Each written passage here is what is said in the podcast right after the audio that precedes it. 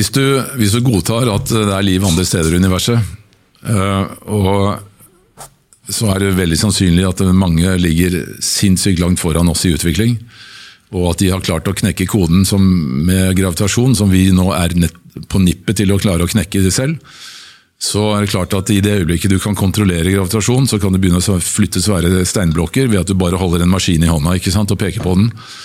Uh, og det er det man mener, da, at uh, våre uh, skal vi si, urkulturer, altså da snakker vi kanskje 100 200 000 år tilbake, kanskje hadde besøk av Og det finnes jo veldig mange så, Altså Alt fra sånne hieroglyfer og tegninger som du finner i huler rundt, omkring, av sånne typiske aliens med skrå mandeløyne og store hoder ikke sant, og små kropper. Mm.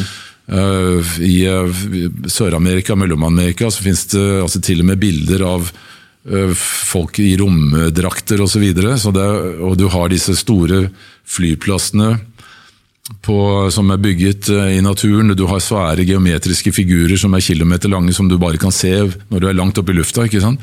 Altså Det er så mange, og pluss alle disse stein, svære steinblokkene som er blitt flyttet opp i Andesfjellene. og som er eh, altså Blokker på 250 tonn som er laget som legoklosser med sånne tagger som stikker opp for at de ikke skal flytte seg på hverandre. og sånn. Hvordan har da mennesker på steinaldernivå med, med liksom flintøks og pil og bue klart å gjøre det der? Ja. Um, Se på Stonehenge, hvor de har flyttet steinblokker mange mange mil over myrområder. Eh, steinblokker som veier 170 tonn, ikke sant. Mm. Og så sier de nei, de rullet de på, på tømmerstokker. Men du får ikke en tømmerstokk under en blokk som veier så mye, for da knekker det som fyrstikker. ikke sant? Mm. Hvordan skal du få løftet opp fra bakken? Altså, det er så uforklarlig at det, det må ha vært andre krefter inn i bildet. Da. Så Man mener jo at det har vært andre kulturer der. Når du ser på alle, for Vi har jo tusenvis av pyramider rundt omkring i verden. Det ligger massevis av pyramider under vann, som man nå har begynt å oppdage. Under vann? U uten vann. Hvor, hvor da? Som, som, de tatt, som, de har tatt, bilder av nå? Ja, ja. Ut, utenfor Japan? Utenfor Japan, blant annet. Vi har jo uh, Utenfor Bimini-øyene i Karibien så går det jo svære alleer med, uh, med, med, altså, med vei, altså, veier som er laget i i stein, som forsvinner ned i sanden og blir borte. Uh, mange har jo oppdaget svære byggverk under vann også utenfor der, bl.a. Jacques Cousteau, denne kjente franske dykkeren. Mm. De var jo der etter en, at det hadde vært en orkan hvor hele sjøbunnen hadde flytta på seg, og fant en svær kirke langt under vann som de var inne i. Så kom det en ny storm, og så var den dekket av sand igjen. ikke sant? Det forteller jo han om. Mm. Så det har også vært veldig mye byggverk på denne jorda som er bygget av folk som eh, vi tror da var på steinalderstadiet men som kunne gjøre som jeg sier med pyramidene. altså Hvis du skulle gjøre det på 20 år, så krever det, hvis du, selv om du jobber 2000 eh, mann timer, 24 timer i døgnet, så må de altså bruke fire minutter på hver stein på plass. Men Hvorfor er det så gitt at det skulle ta 20 år å bygge dette? her da? Nei, for Det, det er jo det legendene sier. da. Altså, han... Eh, kunne vi ikke sagt 500 eh, år, da? Nei, fordi at det, det var jo, man mener jo, Arkeologene mener jo at dette ble jo bygget som et gravkammer for farao Keops. ikke sant? Han skulle jo ha en skikkelig grav. Mm. Og De kunne ikke begynne å bygge den med en gang han Så de, de mener jo at det er et sted mellom 15 og 30 år da, som har vært byggetiden. og Dette er liksom anerkjent da, i arkeologiske kretser, men de kan ikke forklare hvordan det har skjedd. Kan man, Hvis man strekker det opp til 500 år, hvordan blir eh, arbeidsmengden og kraften da? Ja, men altså, hvordan skal du administrere steinaldermennesker og, og, og, klare å motivere dem til å drive med et byggeprosjekt i 500 år, for at en eller annen farao i fremtiden skulle ha det som en grav? Og hvem skal brødfrø den arbeidsstokken på 2000 mann, eller hva det er, ja. Eh, med, med, med, slaver? Altså i et folk som så vidt klarer å brødfø seg sjøl. I 500 år. Det er, 500 akkurat som vi skulle hatt et byggeprosjekt her i Europa eller i Norge som har pågått siden 1500-tallet. da. Ja, ikke sant? Ja, Det har vi jo for så vidt med kirke, noen sånne kirker som vi bygger på enda. Ja.